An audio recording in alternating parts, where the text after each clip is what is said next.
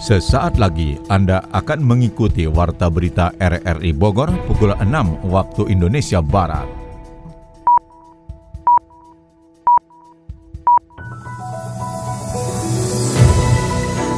Selamat pagi. Saudara, kita bersua kembali lewat Warta Berita RRI Bogor Senin 8 November 2021. Siaran ini juga dapat Anda dengarkan melalui aplikasi RRI Play serta turut disiarkan Radio Tegar Beriman Kabupaten Bogor. Berikut kami sampaikan berita utama.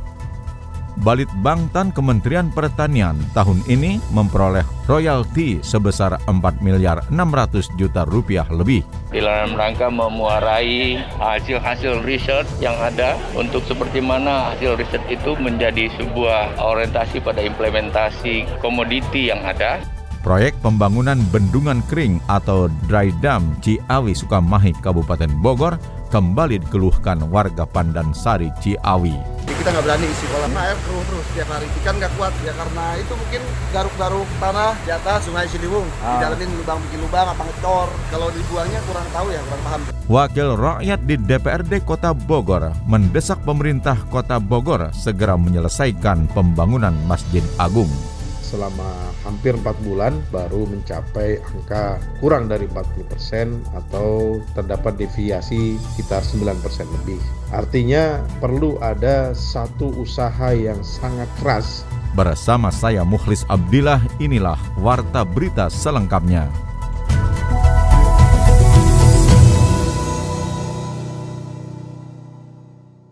Saudara Badan Penelitian dan Pengembangan Pertanian Balitbangtan Kementerian Pertanian tahun ini memperoleh royalti sebesar 4 miliar 600 juta rupiah lebih. Royalti sebesar itu diperoleh dari sejumlah perusahaan swasta pengguna inovasi dan teknologi pertanian unggul. Menteri Pertanian Syahrul Yasin Limpo pada pembukaan Agro Inovasi Fair 2021 di Balai Pengelola Alih Teknologi Pertanian Taman Kencana Kota Bogor kemarin menuturkan perolehan royalti itu berasal dari hasil temuan para peneliti dan perekayasa Balitbangtan tahun ini. Ia berharap lewat kegiatan tersebut setiap tahun ada langkah maju menuju modernisasi pertanian.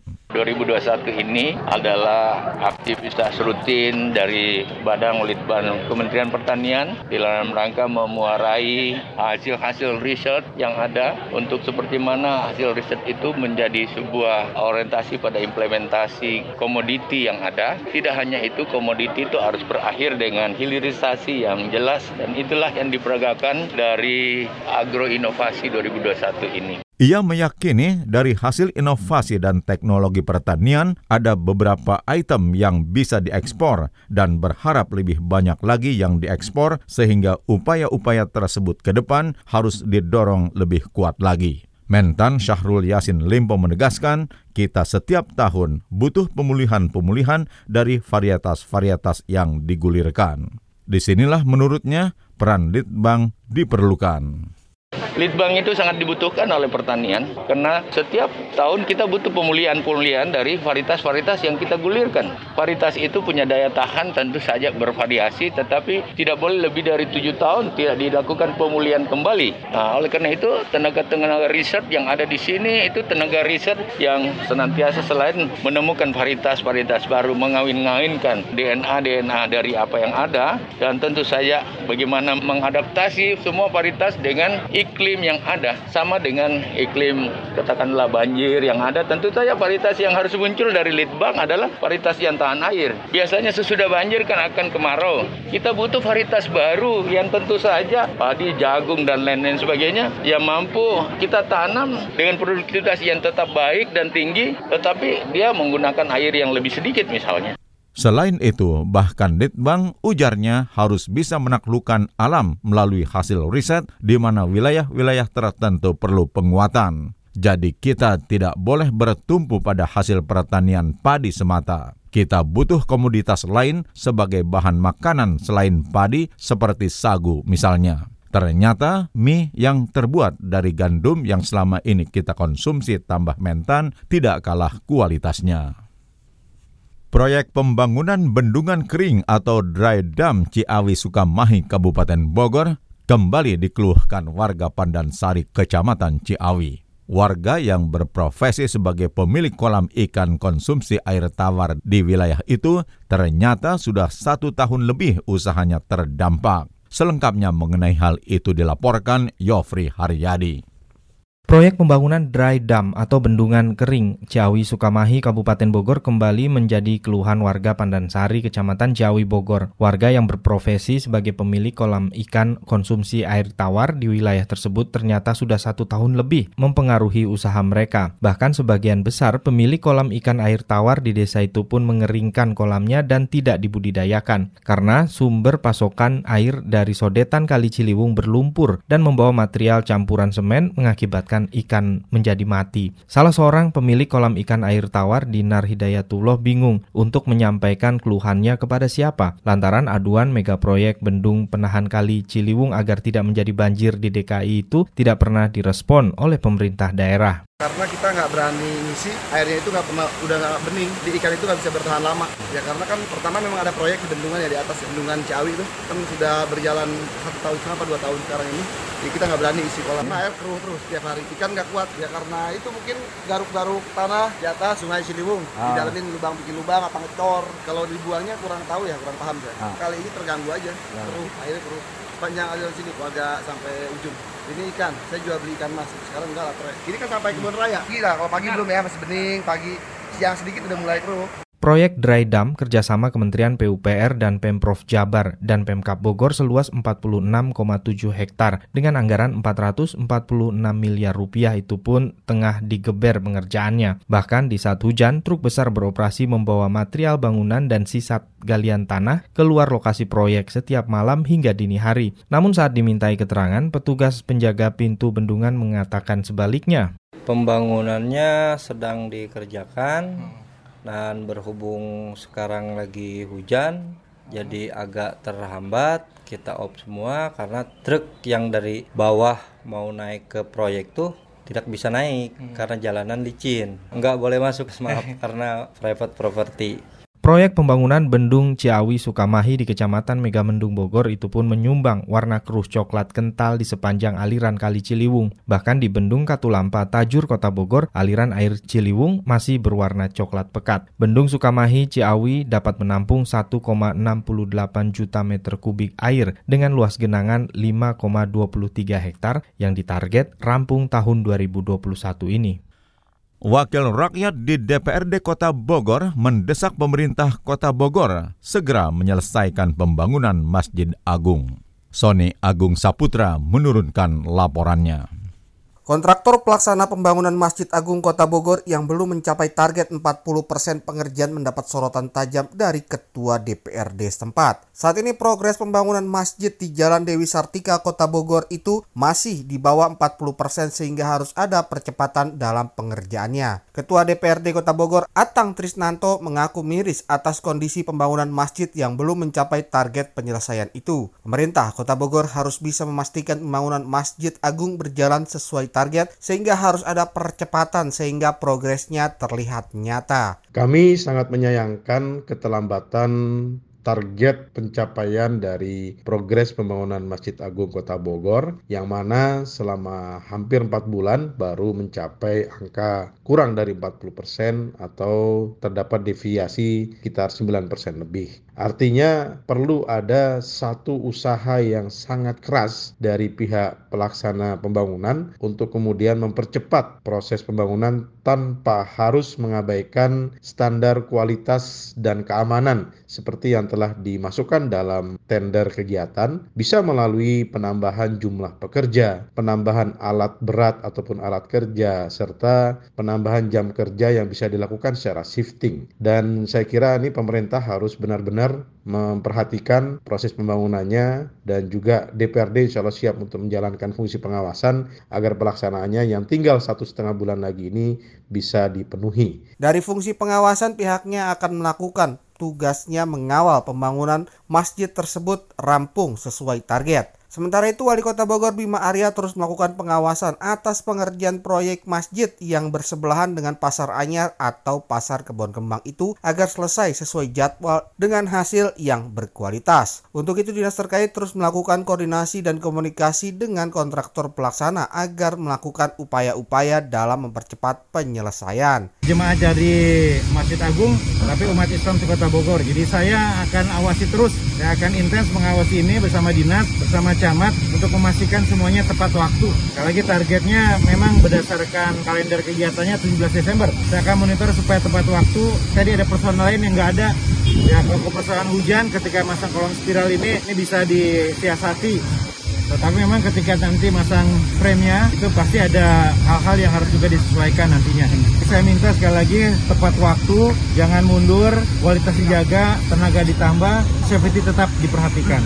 Ini anggaran 31 miliar ya, yang harus diserap secara maksimal. Nah tahun depan akan berlanjut lagi dengan anggaran 27 miliar. Pembangunan Masjid Agung Kota Bogor sudah mangkrak sekitar 4 tahun di mana baru beberapa tahun terakhir ini dilanjutkan dengan menyelesaikan pondasi bawah untuk selanjutnya merampungkan seluruh fisik masjid yang berada di pusat kota hujan itu. Kemendikbudristek terus mengembangkan pengelolaan pendidikan tinggi agar mampu menyiapkan generasi bangsa yang siap berkiprah aktif di kancah dunia. Itulah yang mendasari perlunya kebijakan dalam internasionalisasi khususnya di perguruan tinggi vokasi. Oleh karena itu, Kemendikbudristek melalui Direktorat Jenderal Pendidikan Vokasi atau Ditjendiksi menyelenggarakan konsorsium program internasional sebagai upaya percepatan internasionalisasi di lingkup perguruan tinggi vokasi. Kemendikbudristek Nadim Anwar Makarim pada konsorsium program internasional perguruan tinggi vokasi di Indonesia menekankan kembali tujuan besar yang ingin diwujudkan melalui kampus Merdeka Vokasi yakni melahirkan lulusan perguruan tinggi vokasi yang siap untuk meneruskan studi, bekerja, dan atau berwirausaha. Ketiga hal tersebut tentu tidak terbatas dalam skala nasional saja, tetapi juga regional bahkan internasional. Hari ini ujarnya akan menjadi hari bersejarah dalam upaya kita melompat ke masa depan dengan vokasi. Ia tambahnya yakin dengan hadirnya kelas internasional perguruan tinggi vokasi akan lebih banyak lulusan vokasi yang memberikan kontribusi nyata untuk Indonesia dan untuk dunia. Dari dunia ekonomi dilaporkan Otoritas Jasa Keuangan OJK terus berupaya mengembangkan industri keuangan syariah. Catatan selengkapnya disampaikan Adi Fajar Nugraha.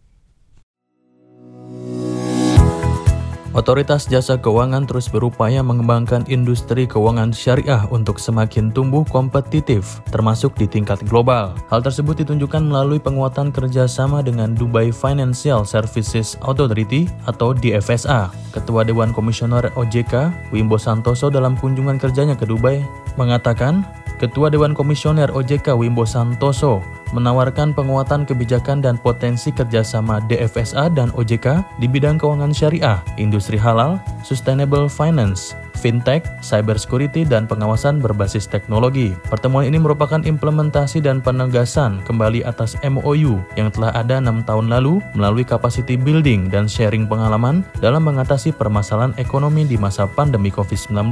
Per September, total aset institusi keuangan syariah tumbuh sebesar 17,32 persen secara year on year dengan nilai nominal 132,7 miliar US dollar atau sekitar 1.901 triliun rupiah yang terdiri dari aset perbankan syariah sebesar 43,58 miliar US dollar atau 624 triliun rupiah, pasar modal syariah sebesar 80,95 miliar US dollar atau 1159 triliun rupiah dan lembaga keuangan non-bank syariah sebesar 8,16 miliar US dollar atau sekitar 116,9 triliun rupiah. Ketahanan perbankan syariah juga berhasil dipertahankan selama masa pandemi yang ditunjukkan oleh permodalan yang kuat dengan CIR 23,7 17% dan risiko pembiayaan yang stabil dengan NPF gross 3,23%.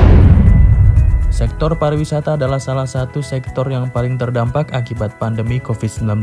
Kebijakan pembatasan perjalanan dan karantina membuat banyak orang membatalkan perjalanan wisata mereka. Ketua Umum Persatuan Insinyur Indonesia, Heru Dewanto, mengatakan insinyur ikut berperan dalam memulihkan industri pariwisata dan ekonomi kreatif di dalam negeri. Ia mengatakan PII telah melakukan pengkajian terhadap permasalahan di Indonesia yang diakibatkan oleh pandemi, termasuk permasalahan yang menimpa industri pariwisata dan ekonomi kreatif dan dan merumuskan langkah-langkah untuk memulihkan sektor tersebut. Selain itu diperlukan pilot project yang diterapkan oleh suatu daerah yang kemudian direplikasi ke daerah-daerah lainnya. Diharapkan dari strategi tersebut akan muncul 10 Bali baru di Indonesia yang pada akhirnya bisa memulihkan industri pariwisata dan ekonomi kreatif dalam negeri. Menurutnya Indonesia sejak tahun 2014 telah melakukan pembangunan infrastruktur yang luar biasa. Infrastruktur yang dibangun antara lain bisa dimanfaatkan untuk pemulihan sektor ekonomi dan pariwisata. Para insinyur bisa bergerak dengan membangun infrastruktur-infrastruktur lanjutan yang akan mendukung industri pariwisata dan ekonomi kreatif ke depannya.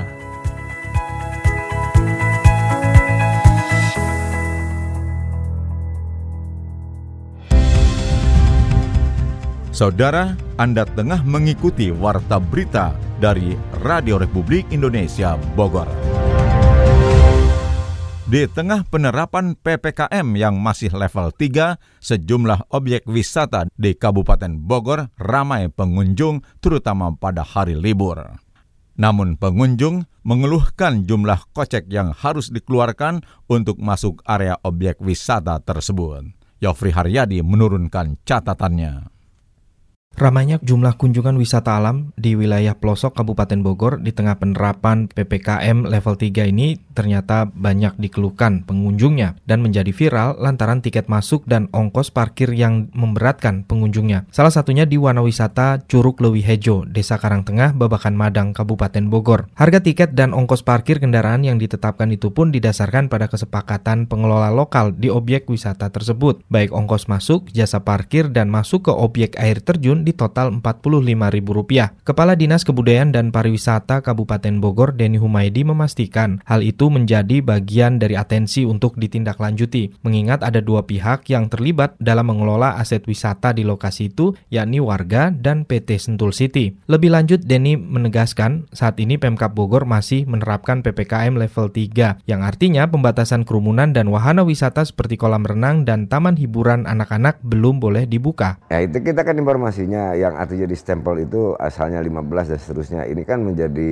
kadang-kadang penentuan itu itu bukan ditentukan oleh kita oleh pengelola dan seterusnya. Lalu juga kita penentuan jangan sampai artinya bahwa ini masuknya itu kategori apa nanti ini kan bermasalah. Makanya kita perlu dimusyawarahkan dengan para pihak di situ. Di level 3 memang khususnya untuk wisata alamnya seperti beberapa yang banyak permohonan ingin segera dibuka ke kita itu anggaplah melalui Satgas Kabupaten. Seperti misalnya untuk wahana permainan kan di level 3 belum bisa. Kemudian juga beberapa wahana-wahana di tempat seperti di Taman Safari saya wahana kan belum boleh, e, termasuk di water park. Mereka menghendaki termasuk juga wisata-wisata yang artinya outdoor. Tetapi kita kan harus manut juga kepada dari Inmendagrinya yang Sementara itu kemacetan arus lalu lintas pun tidak dapat terelakkan di wilayah Bogor. Di satu sisi, kota Bogor sudah melonggarkan aktivitas masyarakat di area terbuka seperti taman untuk berolahraga, termasuk wahana bermain anak-anak. Bupati Ade Yasin menambahkan, PPKM level 3 lebih ketat dari PPKM level 2 atau 1. Ya dampaknya kan lebih ketat lagi kita, ya kan? Sekarang yang kemarin anak kecil boleh masuk, 12 tahun ke bawah sekarang nggak boleh gitu. Kerumunan juga dikurangin. Ya resikonya PPKM level 3 lah lebih ketat ya, ya daripada level tapi 2 gitu. Banyak kekhawatiran akan munculnya gelombang ketiga pandemi COVID-19. Namun pemerintah daerah Kabupaten Bogor mengantisipasinya dengan tetap melakukan pemeriksaan ganjil genap menuju puncak Bogor serta pengawasan ketat ke objek wisata yang ada sekaligus mengejar target vaksinasi COVID-19 hingga 75 persen dalam waktu dekat ini. Kadin Kota Bogor membidik milenial di bangku SLTA untuk dibekali pelatihan kewirausahaan. Kita simak catatan Sony Agung Saputra. Pengusaha yang tergabung dalam Kadin Kota Bogor menggelar agenda pemulihan ekonomi dengan merangkul kaum milenial yang duduk di bangku sekolah menengah atas. Dalam agenda itu, pelajar tingkat SLTA menampilkan berbagai macam kreativitas usaha guna meraih untung di tengah pandemi COVID-19. Wakil Ketua Kadin Kota Bogor bidang penguatan perdagangan Kevin Alvendo menegaskan generasi muda harus tanggap terhadap pemulihan ekonomi yang saat ini berjalan di tengah pandemi virus COVID-19.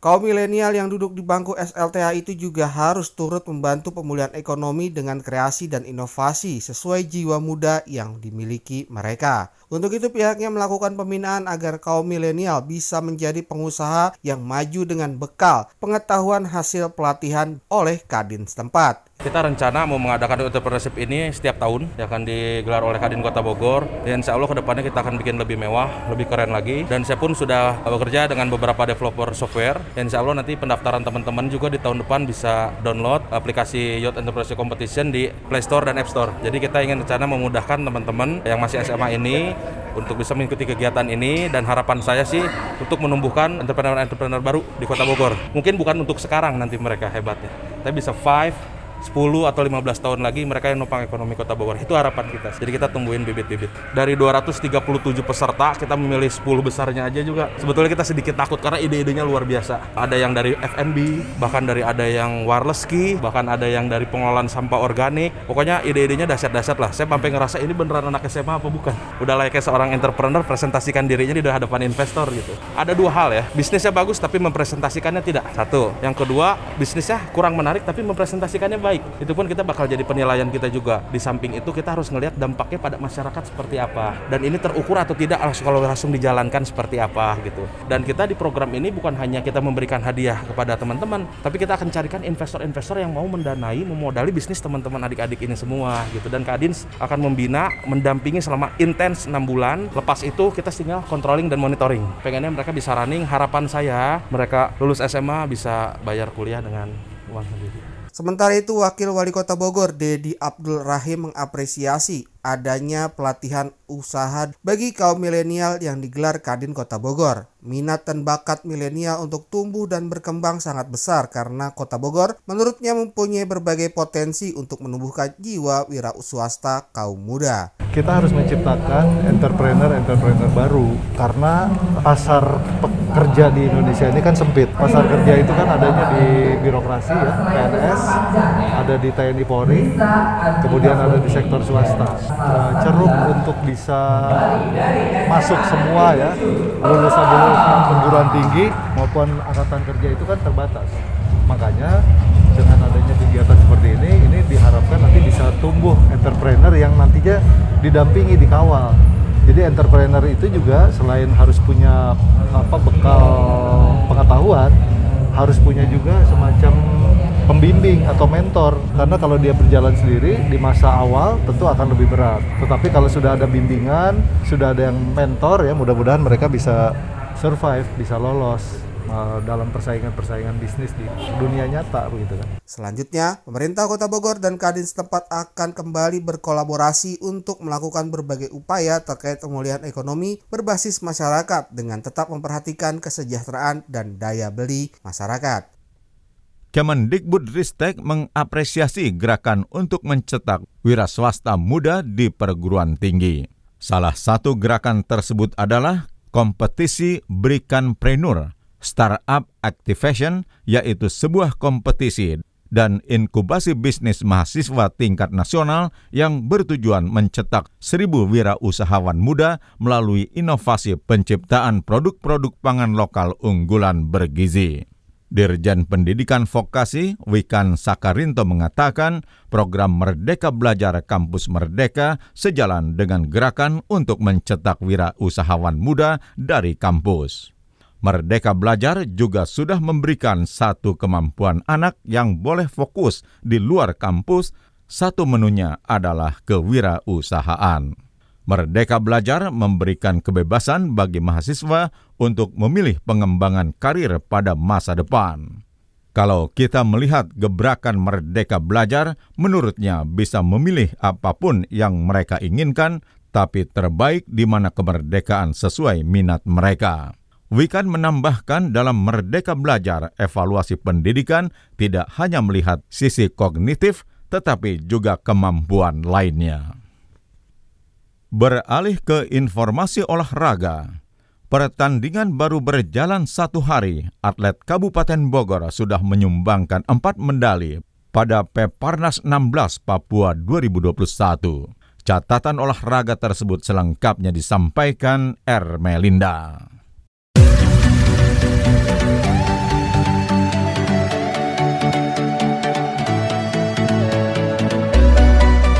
Sebanyak 41 atlet nasional Komite Paralimpik Indonesia NPCI Kabupaten Bogor bertanding pada 9 cabang olahraga atau cabur Pekan Paralimpik Nasional Peparnas ke-16 Papua 2021. Atlet disabilitas Jawa Barat asal Kabupaten Bogor meraih 4 medali pada hari pertama pelaksanaan Pekan Paralimpik Nasional Peparnas ke-16 Papua 2021 itu. Ketua Dewan Nasional Paralimpik Komite Indonesia NPCI Kabupaten Bogor, Aib Saipudin menyebutkan dari empat medali tersebut dua di antaranya medali emas diraih Arasi Akbar Witarsa dari cabang atletik nomor lompat jauh putra dengan klasifikasi T13 dan Siska Mutmainah dari nomor lompat jauh putri klasifikasi T11. Satu medali perak diraih Sari Ratna Saadah dari nomor lempar lembing kategori putri dengan klasifikasi TRW dan satu perunggu diperoleh Adi Supriyatna dari cabang bulu tangkis klasifikasi SL4. Kemarin sudah ada final dari atletik ya. Kabupaten Bogor sudah menyumbangkan dua emas, yaitu dari Arsi Akbar, itu atlet Kabupaten Bogor. Terus sama Siska Mutmainah, atlet Kabupaten Bogor sudah menyumbang dua emas untuk Jawa Barat. Perolehan untuk sementara kita udah Jabar 9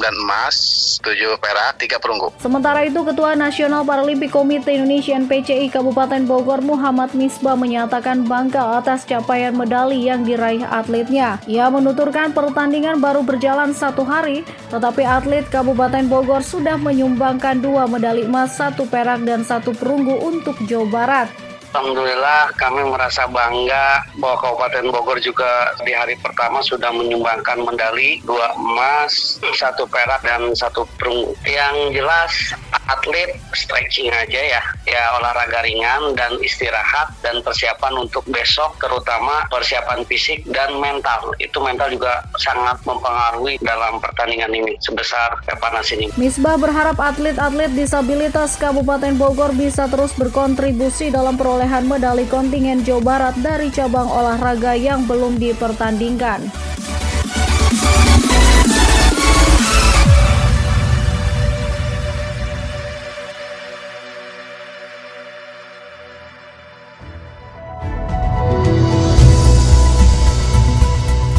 Saudara, informasi olahraga tadi sekaligus menutup perjumpaan kita lewat Warta Berita RRI Bogor pagi ini. Sekali lagi kami sampaikan berita utama. Balit Bangtan Kementerian Pertanian tahun ini memperoleh royalti sebesar 4 miliar 600 juta rupiah lebih. Proyek pembangunan bendungan kering atau dry dam Ciawi Sukamahi Kabupaten Bogor kembali dikeluhkan warga Pandansari Ciawi. Wakil rakyat di DPRD Kota Bogor mendesak pemerintah Kota Bogor segera menyelesaikan pembangunan Masjid Agung. Siaran ini dapat Anda dengarkan kembali melalui podcast kami di Spotify, Anchor, Podtail, dan Google Podcast. Saya Muhlis Abdillah merangkap Des Editor bersama penata teknik Mahdi Nur mengucapkan terima kasih atas kebersamaan Anda. Selamat pagi.